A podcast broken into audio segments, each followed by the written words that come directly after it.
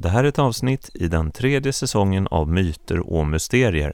Säsongen har rubriken Staten och kapitalet. Jag heter Erik Skylt och gör de här programmen tillsammans med idéhistorikern och humanekologen Per Johansson. Hela den nya säsongen har finansierats med hjälp av crowdfunding. Innan vi drar igång dagens program skulle vi därför vilja rikta ett stort tack till alla er som trodde på vår idé och valde att stötta oss. Vi är er evigt tacksamma. Vi vill också passa på att rikta ett särskilt tack till Hans Bolin på Atlas Balans som tillhandahåller lösningar och maskiner för behandling av fascia på människor och djur. NAV Sweden, mötesplatser för hållbar samhällsutveckling, innovation och lärande. Gurdjieffmovements.se med minnesmästaren Mattias Ribbing, mystik och rörelser som hjärnträning. Samt Abra Kaxi och Hannes Aurell, verksamhetsutveckling för lustfylld samklang och kongruens mellan det inre och det yttre. Men nu är det dags för dagens program i serien Myter och mysterier.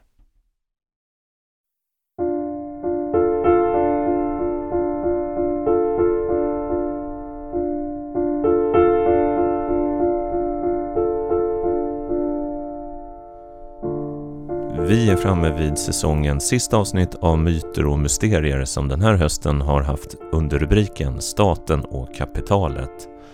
Under hela den här säsongen har vi försökt ringa in några av de stora problem som vår värld står inför idag, både på en global och på en personlig nivå.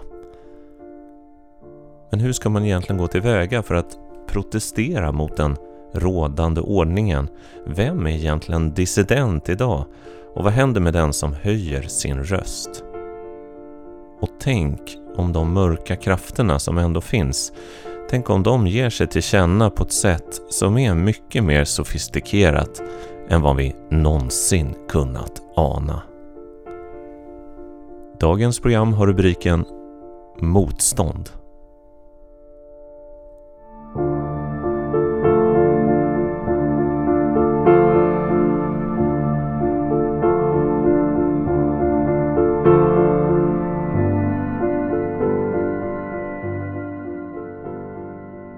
För ungefär ett år sedan så åt jag lunch med en kompis. Och eh, det här var för mig under en period då jag, jag hade det väldigt svårt. Alltså jag, jag kände mig faktiskt eh, deprimerad. Som att jag liksom hade tappat livsgnistan på något sätt. Tidigare hade jag till och med varit sjukskriven för så kallad utbrändhet. Även om det är en väldigt svår diagnos som rymmer massa olika saker. Ehm, och eh, min vän här, han, han hade väl också en, lite liknande perioder bakom sig, tror jag. Så att vi pratade, vi pratade om allt möjligt, andlighet, politik. Ungefär sånt som du och jag pratar om här mm. i podden. Mm. Och så kom vi in på det här med dissidenter. Båda tittade på varandra och sa att det är väldigt märkligt det här moderna, ska man kalla det, kapitalistiska, senmoderna tillståndet som vi befinner oss i. Särskilt i ett land som Sverige eller hela västvärlden. Det är märkligt att det här är ett väldigt, eh, ett väldigt starkt system som är svårt att bråka med eller bryta sig ur. Eller faktiskt svårt att förändra eller protestera mot. Och det är ju sånt som du och jag har talat om i de här programmen. Och så sa jag och min vän där att men det är ju så märkligt att det här ganska auktoritära systemet behöver inte fängsla sina dissidenter. Eller bränna dem på bål eller eh, landsförvisa dem eller göra dem fredlösa alla andra system, som jag ser i alla fall, har ju haft det som sin, sitt maktmedel. Att den som inte accepterar det här, den åker ut. Medeltiden, då har vi ju allt, du vet, med kättare och sånt och vi har dem, vi har diktaturerna, då Sovjet, man sköt dem som inte höll med. Eller spionerade på dem som i DDR eller... Ja, du vet. Mm. Det har funnits i alla tider. Varför finns inte det nu? Mm. Bra fråga. Och så tittar vi på varandra. Men vänta här nu. Hmm, vi sitter här och pratar om att vi på något sätt tycker oss ha sett igenom systemet. Men vi är inte fängslade. Vi sitter inte i fängelse. Men vi är deprimerade. Båda två. På ett djupt sätt. Att vi har känt då att faktiskt livsgnistan har försvunnit. Det finns ingen framtid, det finns inga möjligheter. Det finns helt enkelt inte liv. Det var ju det som var min erfarenhet. Att i mig så fanns det inte längre något liv. Och så bara tittade vi på varandra och sa Nej men tänk om Tänk om det är det här som är att vara fängslad i vår tid. Och så lyfter vi blicken och så tittar vi på hur samhället ser ut och hur folk mår. Och det här är ju inte en hemlighet för någon att det som man kallar för psykisk ohälsa är enormt utbrett Och ökande. och ökande. Särskilt de senaste tio åren. Mm. Samtidigt som det här sker under en period då det faktiskt utifrån min horisont inte finns någon tydlig, vad ska man säga, motrörelse i samhället. Mm. Det fanns det ju tidigare, ta 60-talet som, som tydligaste exempel. Allt från liksom vänstervåg till hippierörelse. Så mycket av det där funkade ju inte och blev korrumperat och uppgick i systemet. Men jag tror ändå på 60-talet att väldigt, väldigt många trodde att det gick att bygga en ny värld. Och var då mot systemet på något sätt. Och till viss del, vissa saker lyckades ju. Men idag så finns det inte den här breda motrörelsen. Jag ser inte den, i alla fall inte ett land som Sverige. Däremot ser jag depressionen, utbrändheten, ångesten och sen, det behöver vi inte gå in på nu, men liksom medicineringen mot det här och hur samhället då försöker lösa de här problemen. Jag tänker att det inte ska bli en sån, vi behöver inte gå in i det med psykisk ohälsa för mycket, men från mitt perspektiv och hur jag har försökt ta mig ur det här så är det ju helt klart att samhället har någonting av något pacificerande som svar på de här problemen. För att göra en, bara en väldigt Ja, enkelt exempel. Den Att, passiviseringen kan ju i sig vara ett systemuttryck skulle man kunna säga. För samhällets, det här samhällets tvingande logik. ja. Ett exempel. Du vantrivs på din arbetsplats. Du har en fruktansvärd chef. Du har alldeles för många arbetsuppgifter. Du har ingen makt över din situation. Är det verkligen mindfulness man behöver i den situationen? Tänk om det är uppror. Ja. Man bara ställa sig upp på riktigt och protestera. Så här. Jag tolererar inte det här. Problemet med uppror idag har du ju satt fingret på här. Känner jag. Om, om, man, om man tänker på om, om, om makten. Om den typ av makt som vill inordna mig i sina syften. Är synlig. Och direkt repressiv. Om jag avviker för mycket så hamnar jag i fängelse eller till och med avrättas. Då är makten väldigt synlig. Om man i en sån situation tänker i termer av motstånd mot den makten. Då vet man vad man har emot sig. Man vet hur den fungerar för det ligger i öppen dag. Den visar sig tydligt. Så, och det betyder att alla motståndsstrategier har en väldigt tydlig utgångspunkt vad det är som behöver bekämpas. Och det gäller både teoretiskt eller filosofiskt och praktiskt. Och den teoretisk-filosofiska, eller om man, om man kallar det för den djupare sidan av saken, är egentligen ganska enkel och nästan trivial. Med, medan praktiken är det som verkligen kräver någonting. Och det är ju vad alla, alla möjliga revolutionära och motståndsrörelser historiskt sett har, har sysslat med. Det har inte, de, de har haft sina filosofier och ideologier, men det som i den mån de har haft någon framgång överhuvudtaget. Sen, man, sen har ju den framgången i och för sig lett ibland till nya repressiva system. Men det är en annan historia. Men eh, jag tänker nu i det här initialskedet, vad, vad, motstånd, vad är det som krävs? Jo, det är, det är svar på frågan, ska, hur gör vi? Hur samlar vi krafterna? Vad är det som behöver göras? Vem är det som är fiende? Och allt det där är hyfsat tydligt, rent tankemässigt. Men det är praktiken som är, det gäller att lösa då. Vad, vad skulle motsvarande situation idag vara då om, om fängelse och avrättning motsvaras av depressioner och utbrändhet och, och oförmåga att bryta sig loss ur en vardagssituation som verkar i och för sig inte så himla farlig kanske egentligen om man tänker efter och jämför med värre platser och värre tider. Vad, vad, vad är det man är emot? det, är, det är ju till och med det svårt att få syn på. Vad, vad är det man är emot egentligen? Vad, vad är...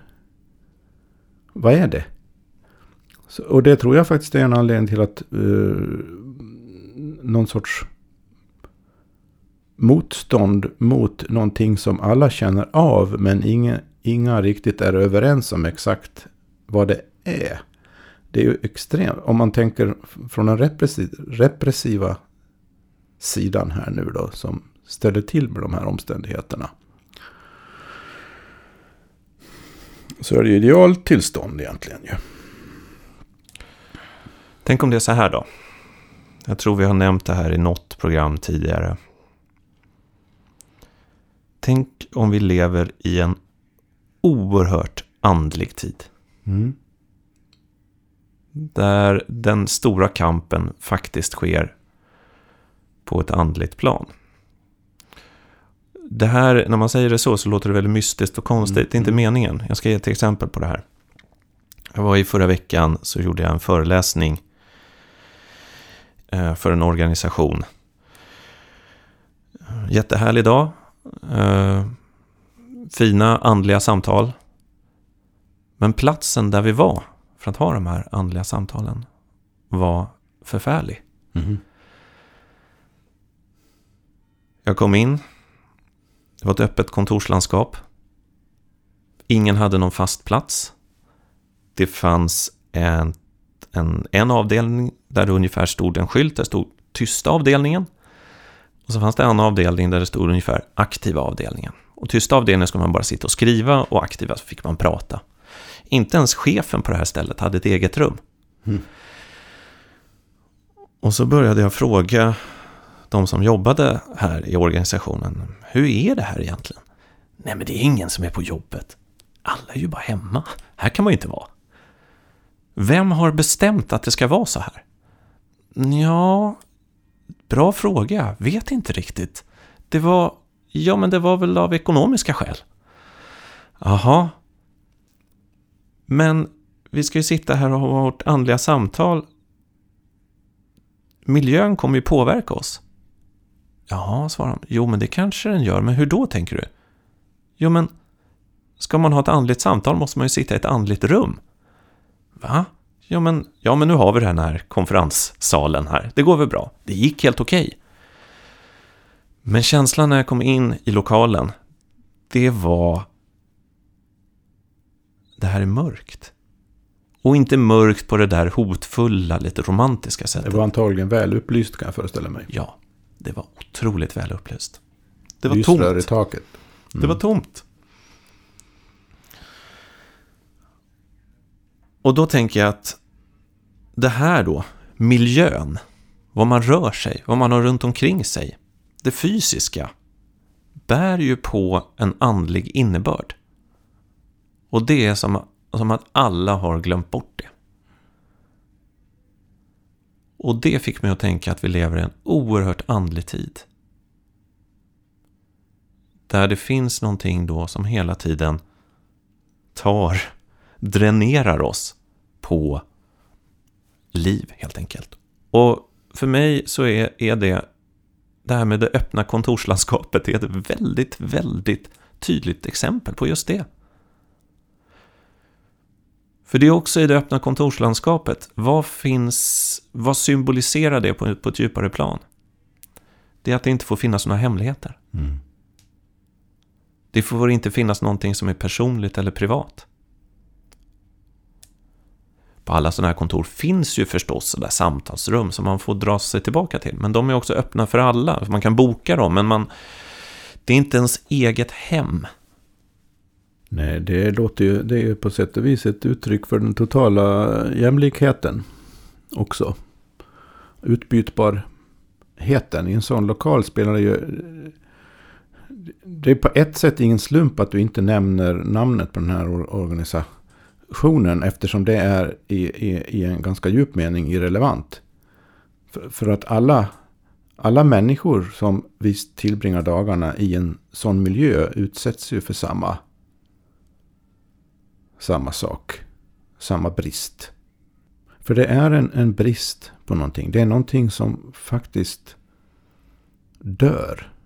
Eller hotar att rent av utrotas i sådana miljöer. Och, och miljöerna som sådana, som du påpekar, de fysiska miljöerna som sådana, är en del av saken. Om man till det lägger då hur det rent organisatoriskt, arbetsmässigt, rutinmässigt fungerar.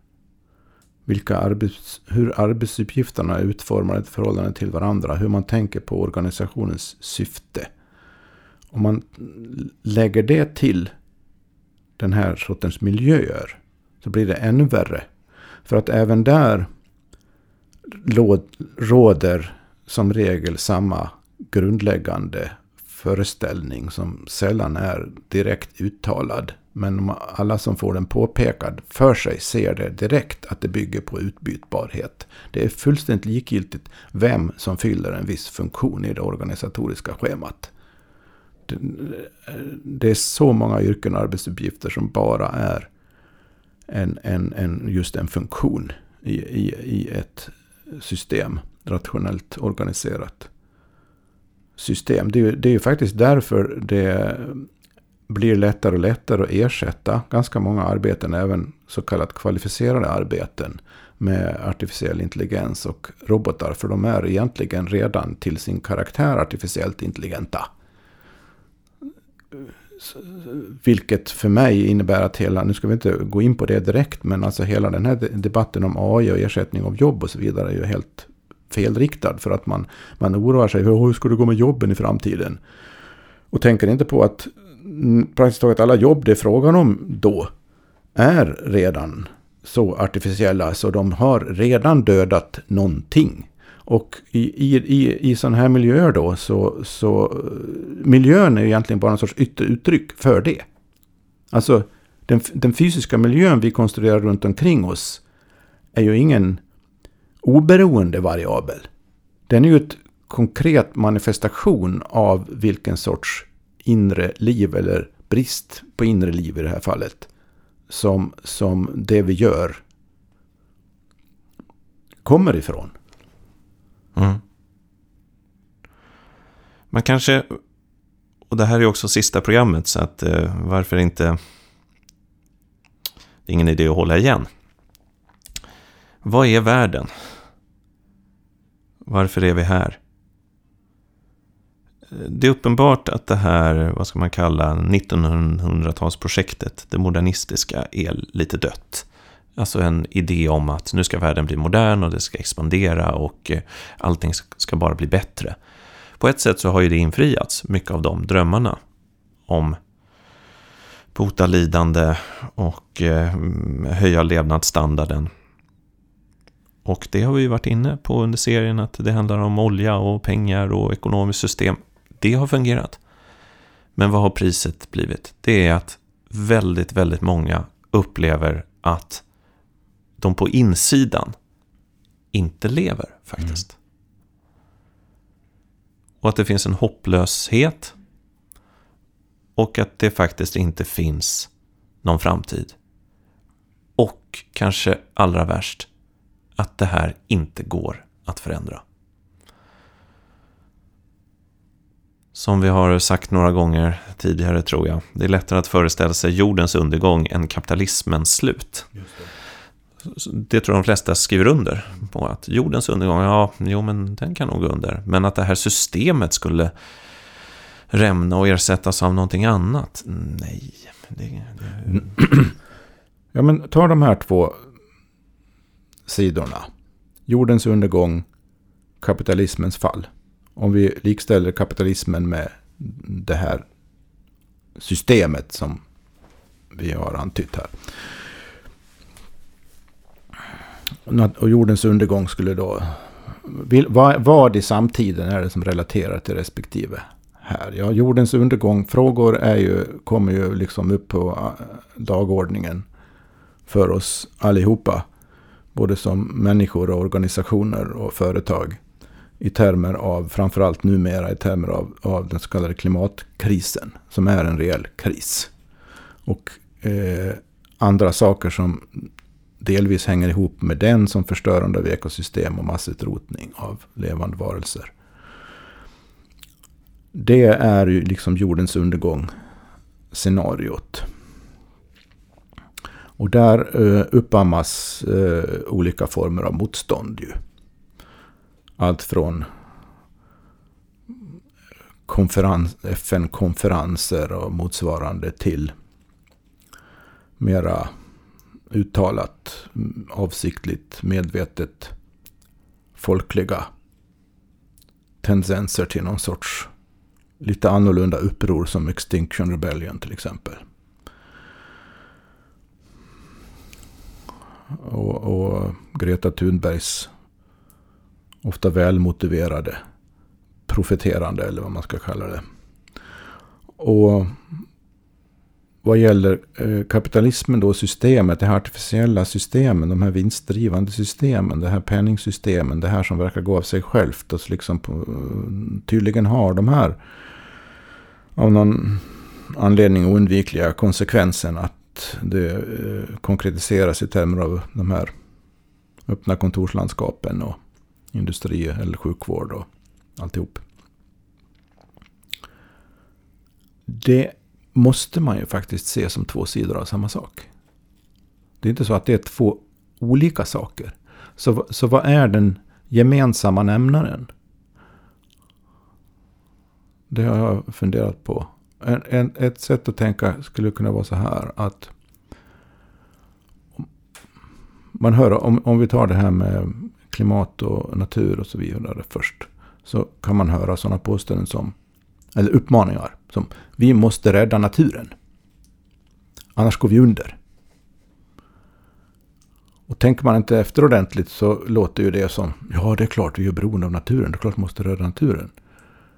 Men där, redan där finns det liksom ett, en, en, ett feltänkande som gör att det, man egentligen blir helt oförmögen att nå sakens kärna. För naturen kan inte gå under. Man pratar nu om den, om vi bara håller oss till jorden, man pratar nu i termer av människans påverkan på, på naturen i termer av den sjätte massutrotningen och så jämför man med olika tidigare skeden i jordens långa historia då eh, större delen av mm, livet på jorden har utplånats. Bokstavligen av en eller annan anledning. Uppåt 90 procent av alla existerande arter på den tiden för si och så många hundra miljoner år sedan bara försvann. Men vi är här nu ju. Så naturen dog ju inte, livet fortsatte ju. Så naturen går liksom inte, det går inte att ta koll på naturen. Den behöver inte räddas överhuvudtaget. Den klarar sig alltid och den är väldigt van vid att dö också.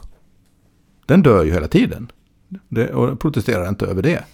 Kommer en flodvåg och spolar bort någonting. Och så, ja, okej, okay. går det några decennier så växte upp en skog igen. Inte mer med det. Så, så är det i naturen. Och det här, naturen är liksom neutral i förhållande till alla mänskliga värden på det sättet. Också. Så vad är, det som, vad är det man menar egentligen när man säger att vi ska rädda jorden, vi ska rädda naturen? Det kan bara betyda att vi måste rädda oss själva. Vi håller på, när vi håller på att döda naturen så dödar vi någon, oss, det är någonting oss själva vi dödar. Och det är samma sak menar jag vi dödar i de öppna konturslandskapen. Det är den djupare dimensionen av vad en människa är. Och går det där för långt så känner vi av det.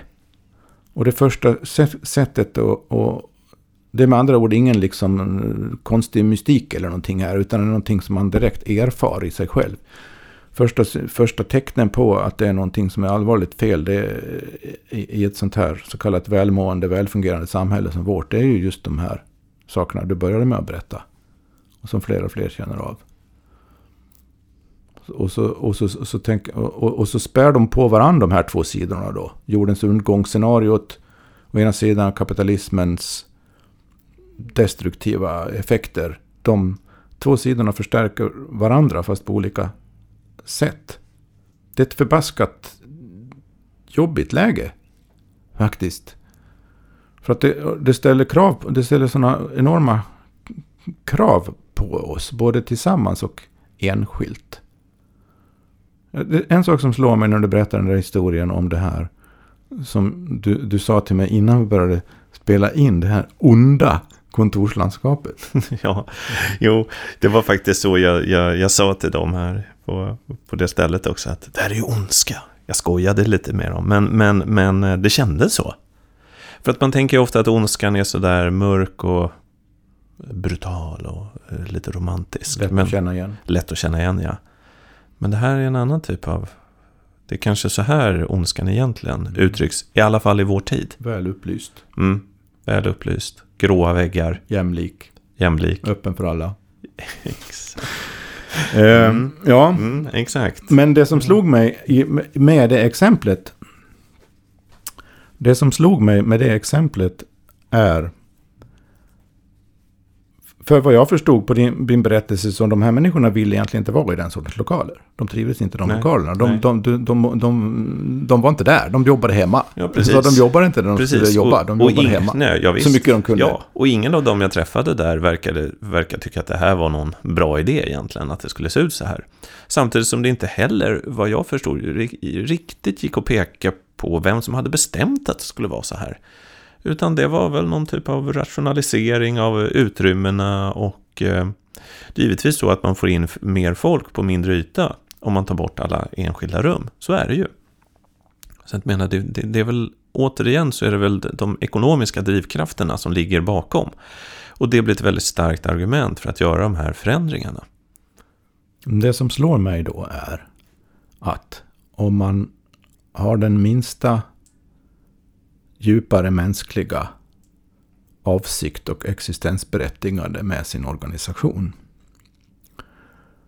Och gå med på att etableras passivt.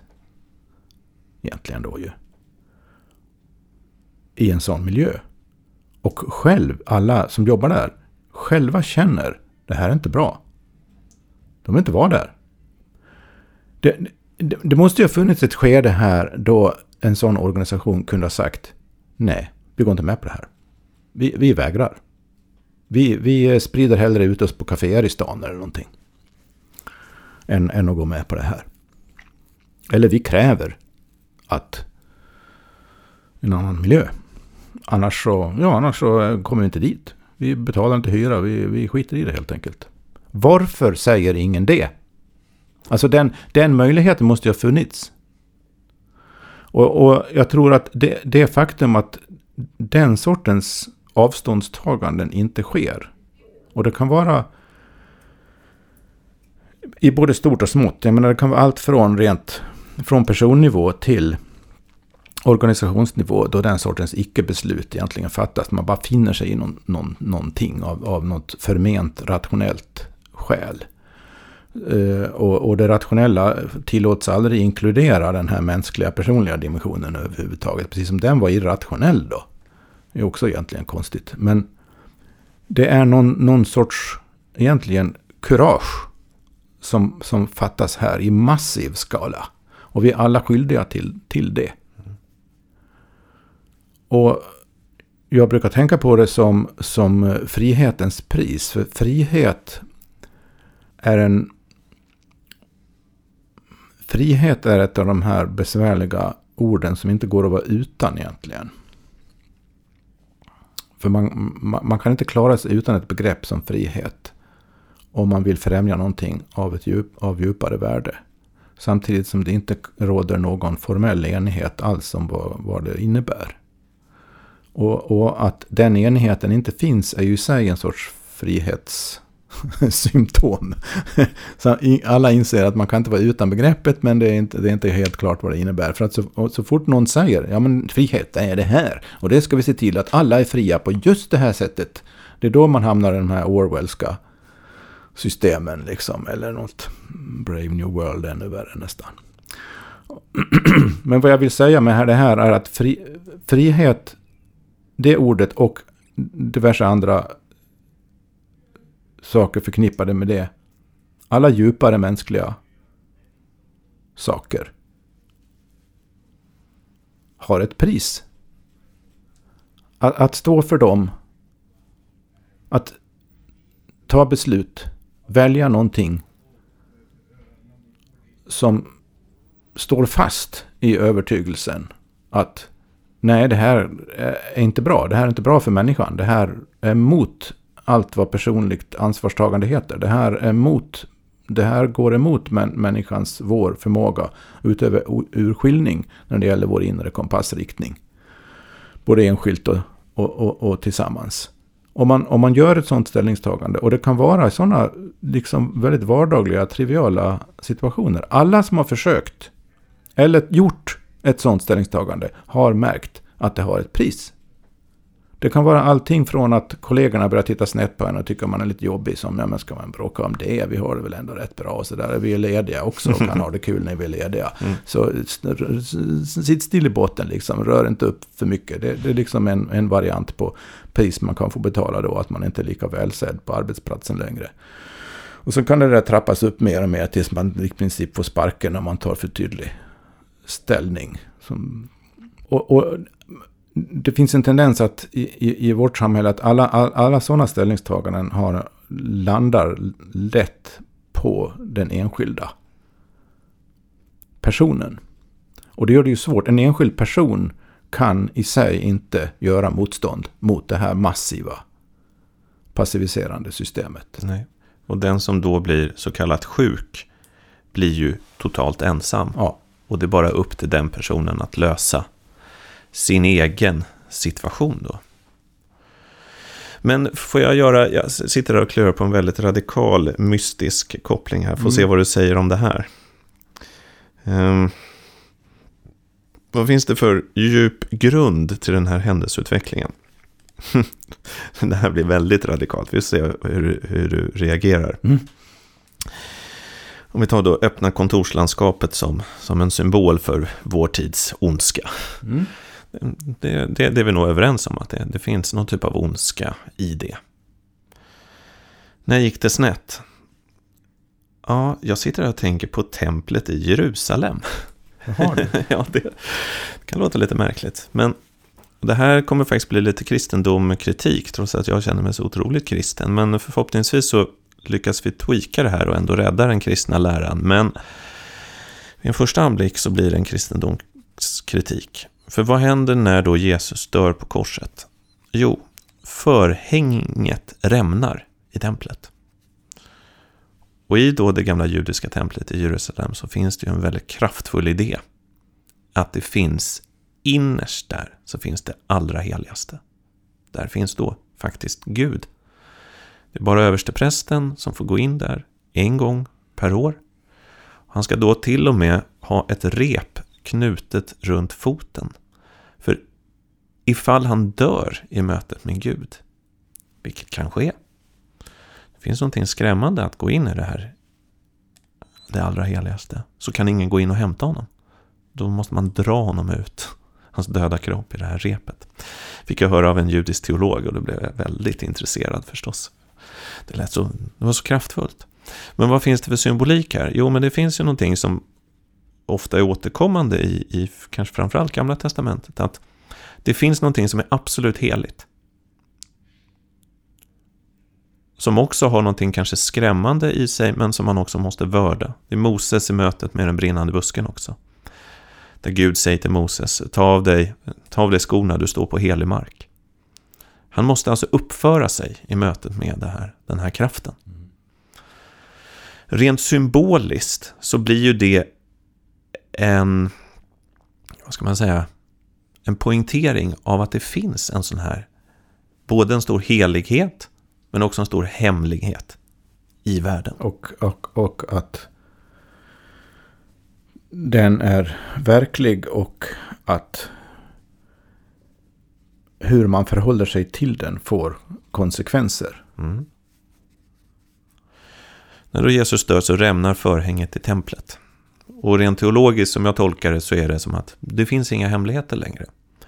Alltså kristendomen är ju en lära som inte har så mycket hemligheter, utan det finns inga hemliga skrifter, det finns inga hemliga rum, utan Bibeln är Bibeln. Sen finns det ju en hemlighet i texten förstås, och en hemlighet i den kristna vandringen. Men eh, rummet, templet, är borta. Eller snarare, det är vi som är templet kanske. Mm. Ja, inte bara kanske, om man håller sig kvar i den tankesfären. Jag skulle till och med vilja fördjupa tempel liknelsen om vi kallar det för det, ännu mer här. För att som, som vi, var, vi gjorde ju ett program om templet förut. Och det kanske kan tyckas vara lite upprepning nu då. Men det går att göra intressanta poänger av det i vårt nya sammanhang. Så att om, om, om vi bara väldigt kort rekapitulerar historien här. Så, så är det frågan om två tempel. Det första templet som byggdes av Salomon. En av de första kungarna i det gamla Israel han, eller det templet, där bodde Gud. Om man nu läser Bibeln bokstav, eller Gamla Testamentet bokstavligt. Gud bodde i det templet. Eh, Guds närvaro häng, var inte ovillkorlig. Det hängde på att Israeliterna följde Guds bud. Att de inte liksom gick sina egna vägar och dyrkade andra gudar. Och, och, och de skulle hålla sig på den smala vägen helt enkelt som samhälle. Och det eh, uppstod den ena profeten efter den andra som varnade för allt eftersom decennierna gick som varnade för att när samhället, liksom, samhället började avvika för mycket från de här heliga principerna så ja, nu är det fara och färde alltså. Nu, nu får ni skärpa till det annars kommer det och det och det att hända. Ni kommer, det kommer att bli invasion här och judiska folket kommer att föras bort i fångenskap och det blir bara elände. Och det var precis vad som hände. Invaderades av Babylon, förstörde templet. Judiska eliten eh, hamnade i Babylon under lång tid. Och eh, templet var, förstördes alltså. Då kan inte Gud vara där heller ju.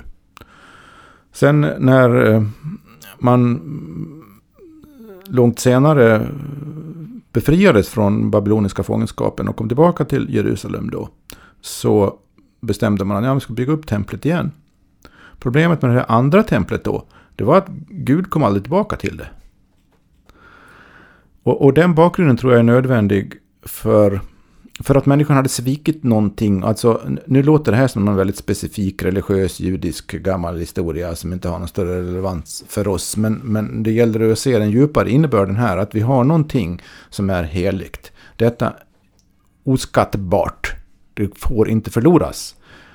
Detta har en närvaro i denna världen. Och, och därmed i oss och för oss. Och om vi avviker för mycket från vad den här heligheten egentligen innebär i förhållande till att vara människa, så försvinner den. Vi går miste om den. Någonting dör. Och det är vad, vad som hände då. Och det spelar ingen roll om vi försöker bygga upp det igen. Kommer inte tillbaka. Och, och, och så om vi tar då återgår till vad du sa apropå Jesus, vad som sägs hände när Jesus dog på korset så rämnade det här förhänget. Det var ju liksom sista spiken i kistan skulle man ju kunna säga mm. då. Mm. Här har ni i några hundra år nu gått och trott att Gud är i det här templet, men det är han inte alls. Det är bara varit inbildning hela tiden. Gud har en helt annan typ av närvaro, nämligen i, i, i människan. Och det där tar ju Paulus fasta på sen när han säger att det, det, det är faktiskt vår kropp som är templet. Och det är ingen metafor hos Paulus heller. Det tror jag faktiskt man... Det är mycket i Bibeln man inte ska tolka bokstavligt. Men det här ska man tolka bokstavligt. Kroppen är Guds tempel.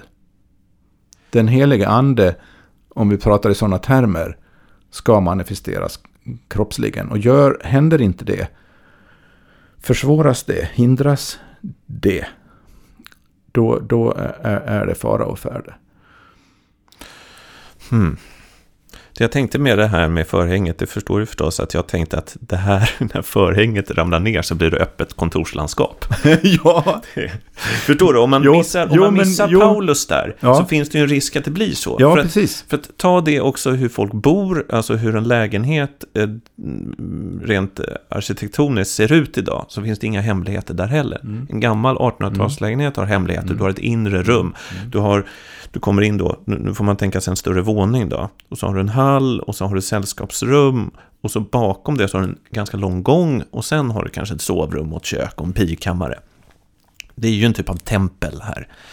Men mycket modern arkitektur är ju på ett annat sätt. Man säger, det är inga här finns inga hemligheter. Mm. Därför har man också de här stora glaspartierna till exempel, för att man ska kunna se in. Här finns ingenting att dölja. Och det är ju idén med, med det öppna kontorslandskapet också, att vad då ska du sitta inne i ditt, häcka in i det rummet där? Du, då kan ni hålla på och konspirera. Nej, nej, nej. Allting som sägs här på den här arbetsplatsen ska kunna sägas högt. Och min poäng är då att det går inte att leva så. Och det är där jag tänker att nu behöver vi kanske inte bygga upp Jerusalems tempel. Ja, det kanske behövs också i och för sig. Men, men att på något sätt symboliskt poängtera att det heliga rummet, den heliga platsen existerar och att man gör det i denna värld. För det Paulus pekar på är säkert sant, men det är lite avancerat. Det är lite svårt att hitta det inre rummet. Men det hänger ihop. De här, det finns, de här två sakerna, min tankelinje här och din tankelinje i förhållande till den här liknelsen, hänger ihop. Om, om, om för, för, hur manifesteras, hur förverkligas Ja, låt oss kalla det det heliga helt enkelt. Så får var och en lägga vad de vill i det då. Bara det handlar om någonting som är djupare än det vanliga. Någonting som verkligen är viktigt på riktigt. Det behöver inte vara mer definierat än så egentligen. För jag tror alla, alla i grund och botten har någon sorts intuition om vad som är viktigt och riktigt. Ibland i alla fall. Ja, så hur manifesteras det?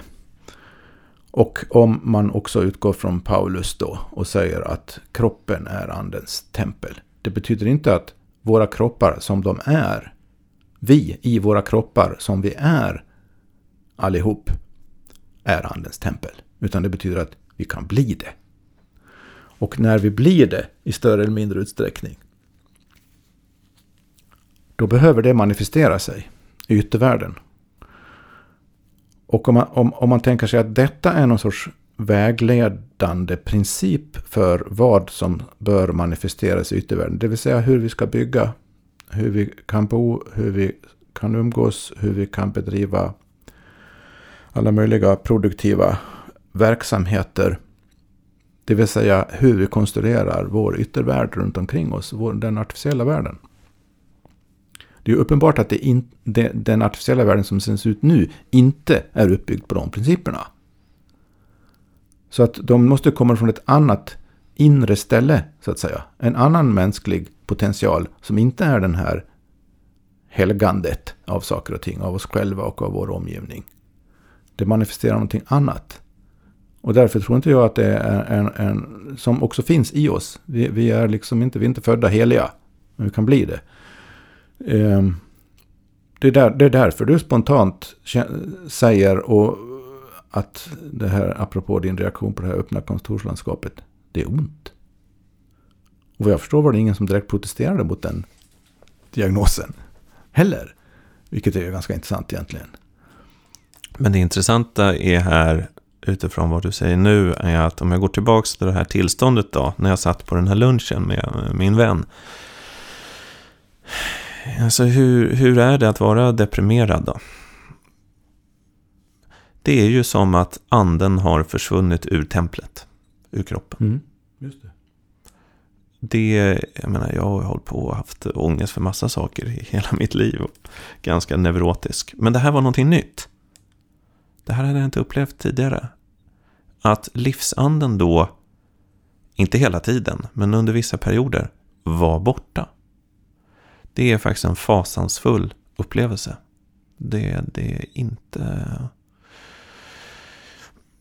Jag ska inte vara för drastisk, men, men om... Jo, det kan jag väl vara. Om det här tillståndet skulle eh, bli permanent så skulle jag dö. Mm. Det vet jag. Mm. Det skulle jag inte klara av. Mm. Inte under en längre period. Det går, jag klarar inte det i alla fall. Det är en typ av lidande som jag inte klarar av. Jag var så tvungen att ta mig ur det.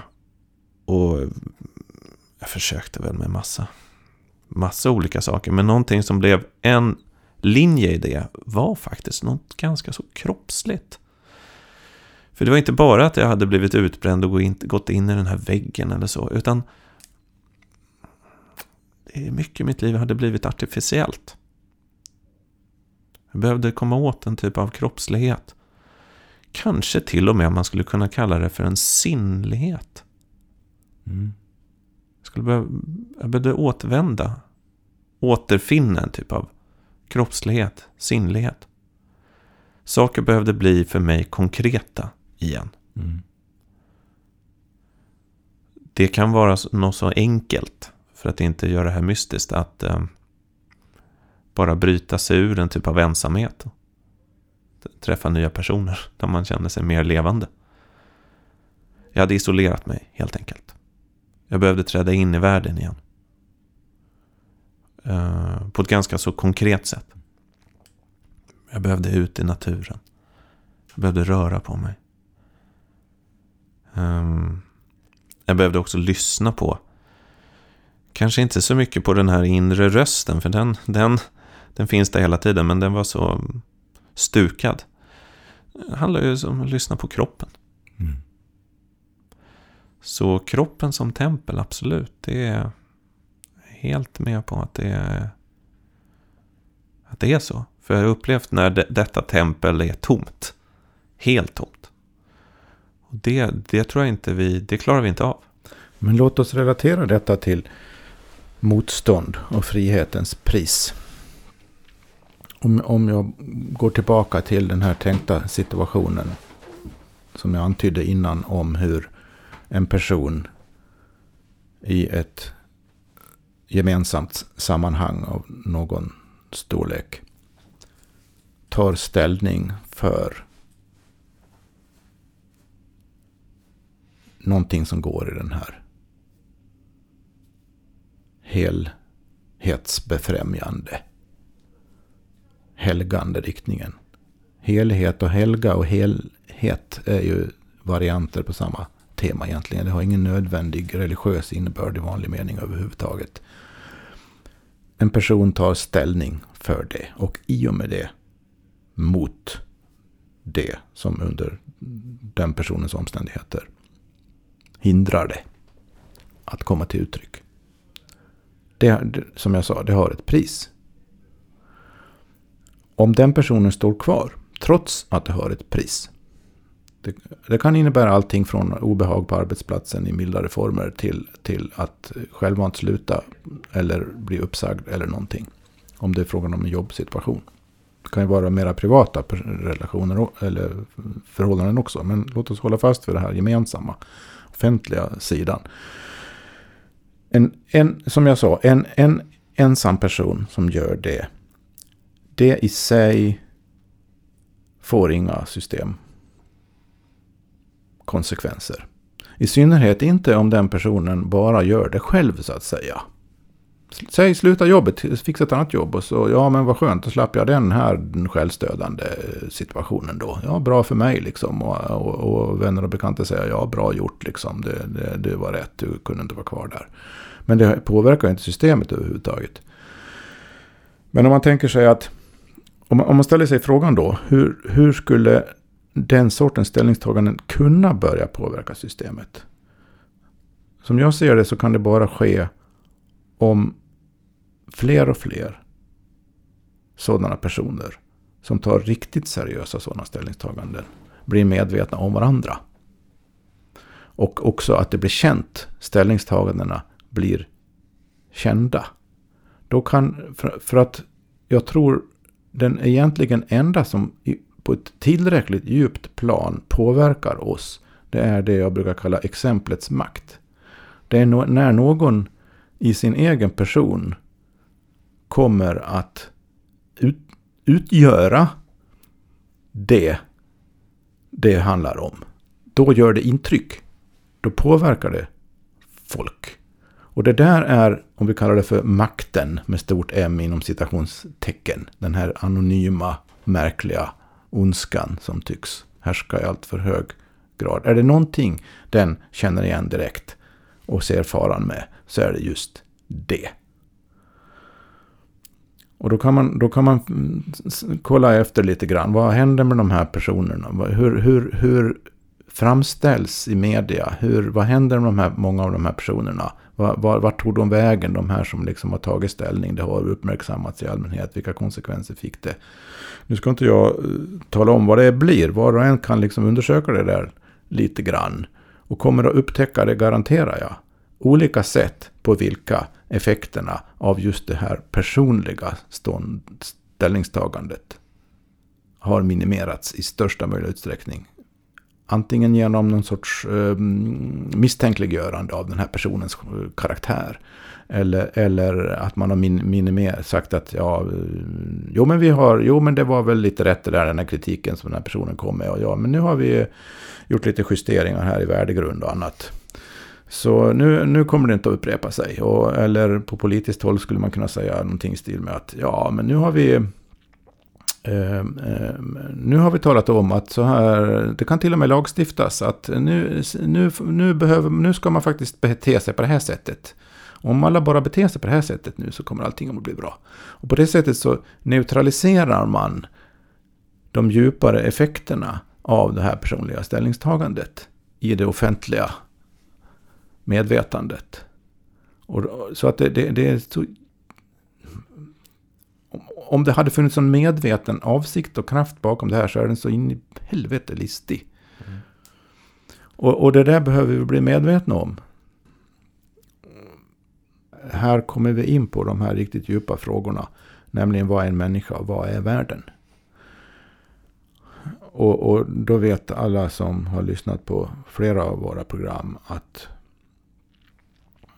min och väl egentligen din också, vågar jag säga, inställning är att en människa är oerhört mycket mer och något potentiellt oerhört mycket kraftfullare än bara någon konstig djurart. Rent ontologiskt, metafysiskt. Och det tangerar då vad, vad världen är. Och, och världen är det där stället, stället som bjuder människan motstånd.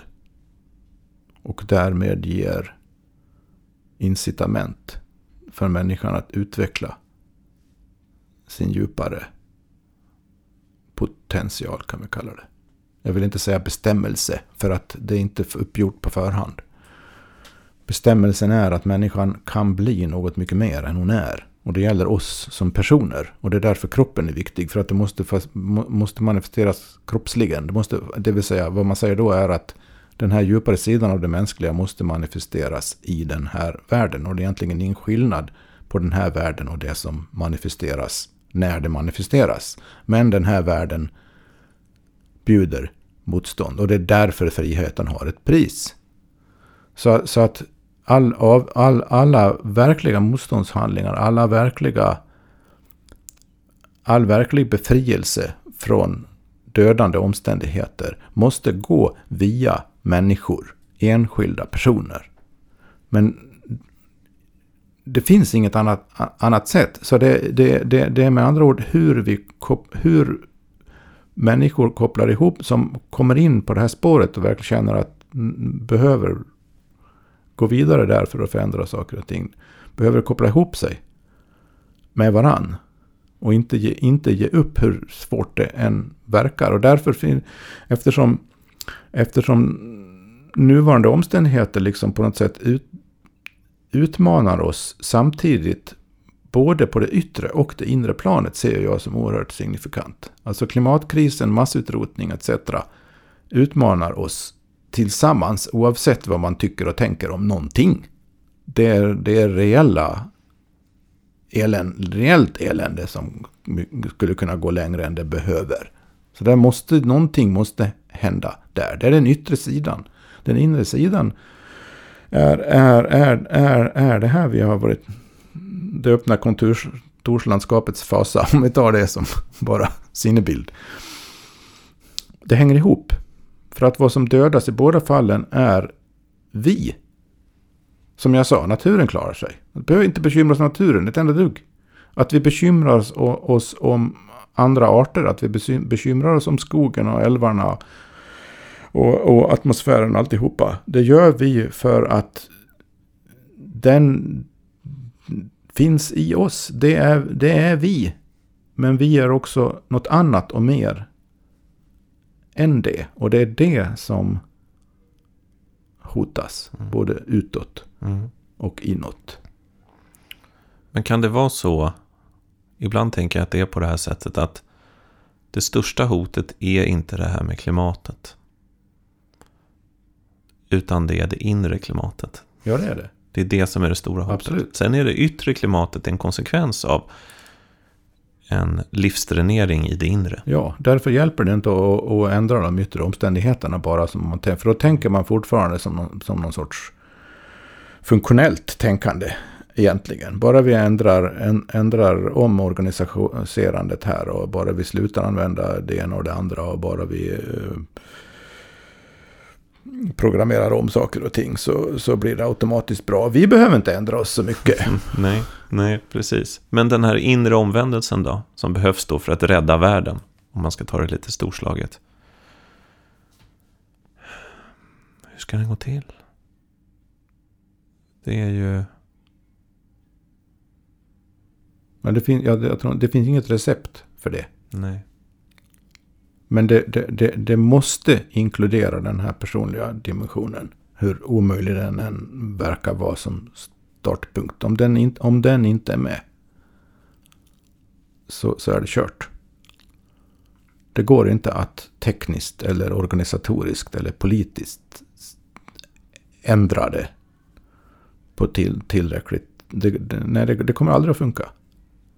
Jag, jag är helt säker på det. Om, om, om, om, om, inte, om inte den här inre omvandlingen sker med tillräckligt många som har tillräckligt tongivande betydelse, tillräckligt mycket av exemplets makt, inflytande.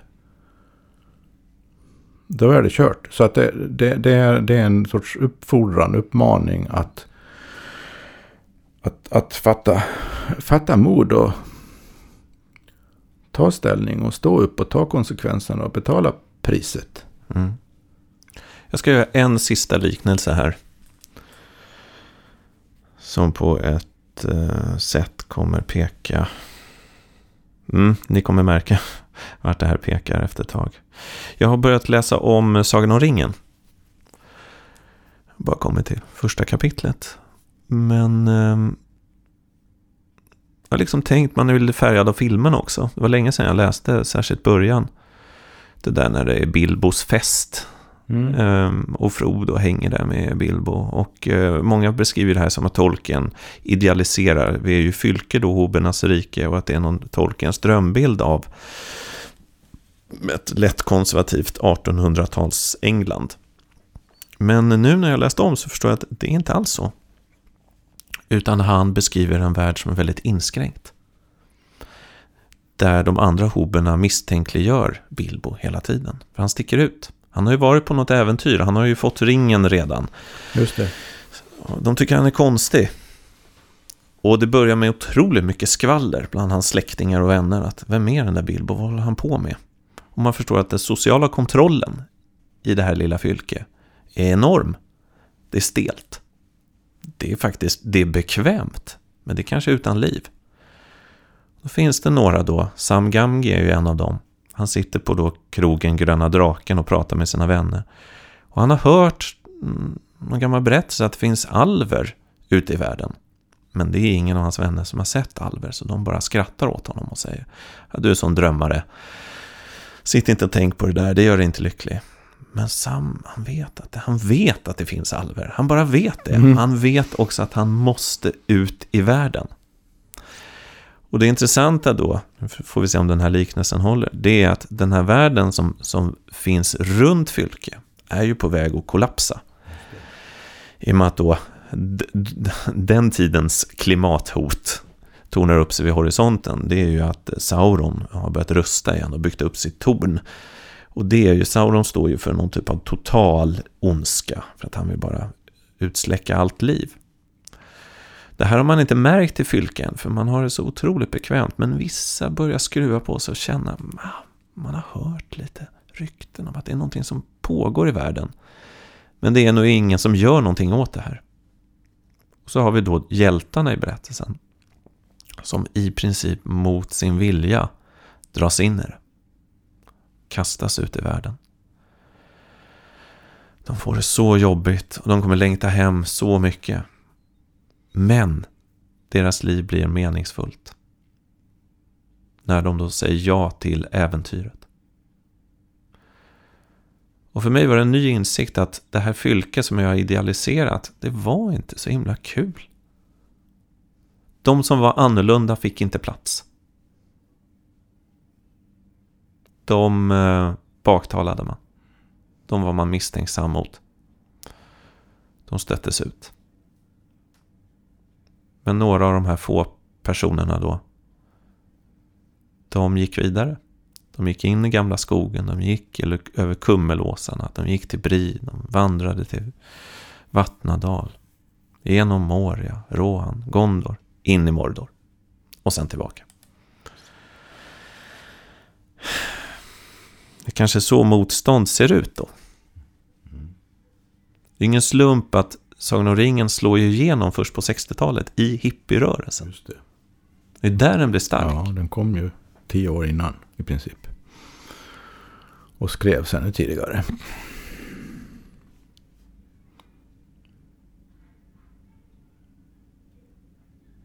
Ja. Motsvarigheten till fylke är väl den moderna bekvämlighet som inte bara Alltså analogin haltar på ett sätt för att fylke det finns ingenting egentligen i fylke i sig, eller the shire som det är i original, som i sig rymmer Mordors ondska.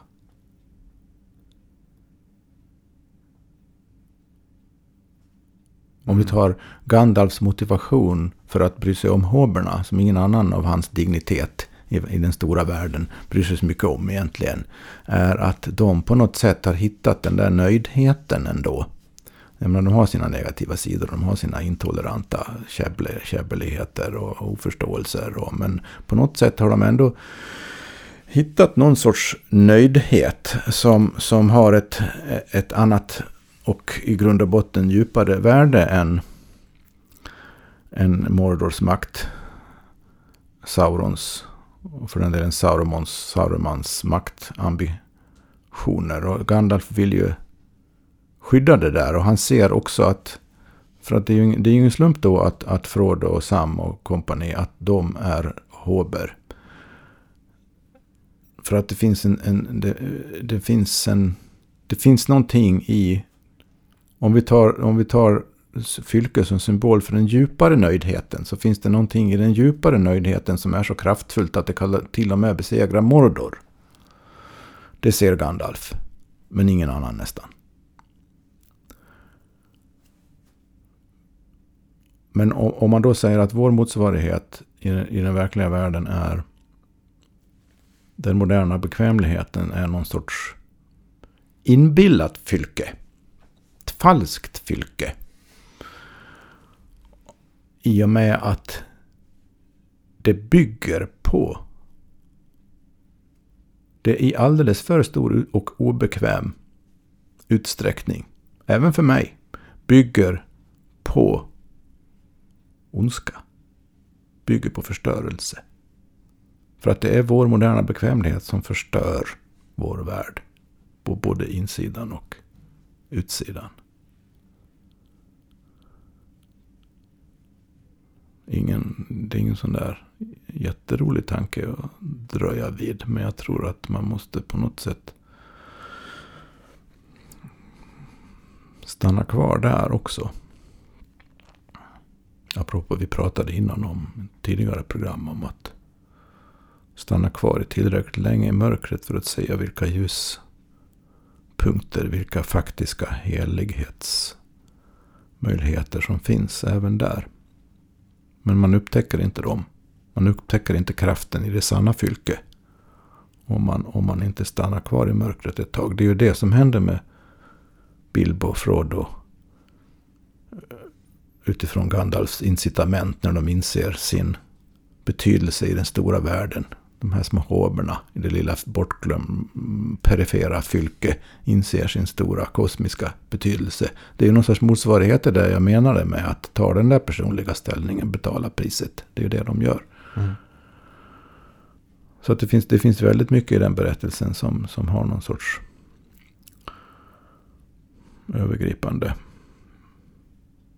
giltighet. Och det är, det är inte heller jag sa innan, om, om, om, om inte tillräckligt många människor gör den här typen av ställningstagande, take a stand, säger, här står jag och kan inte annat.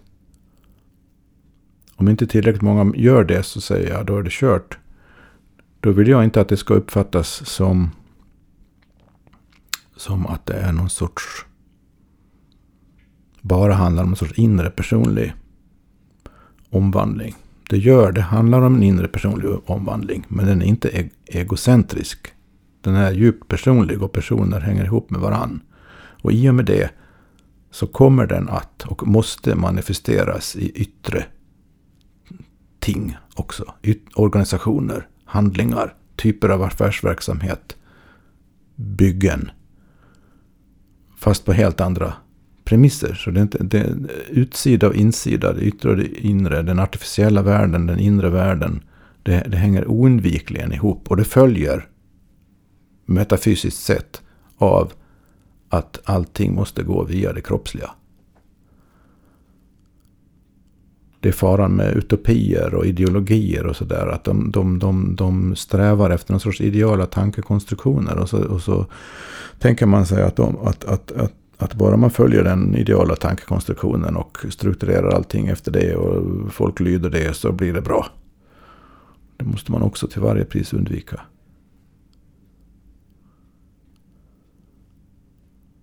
Det har prövats. Funkar inte.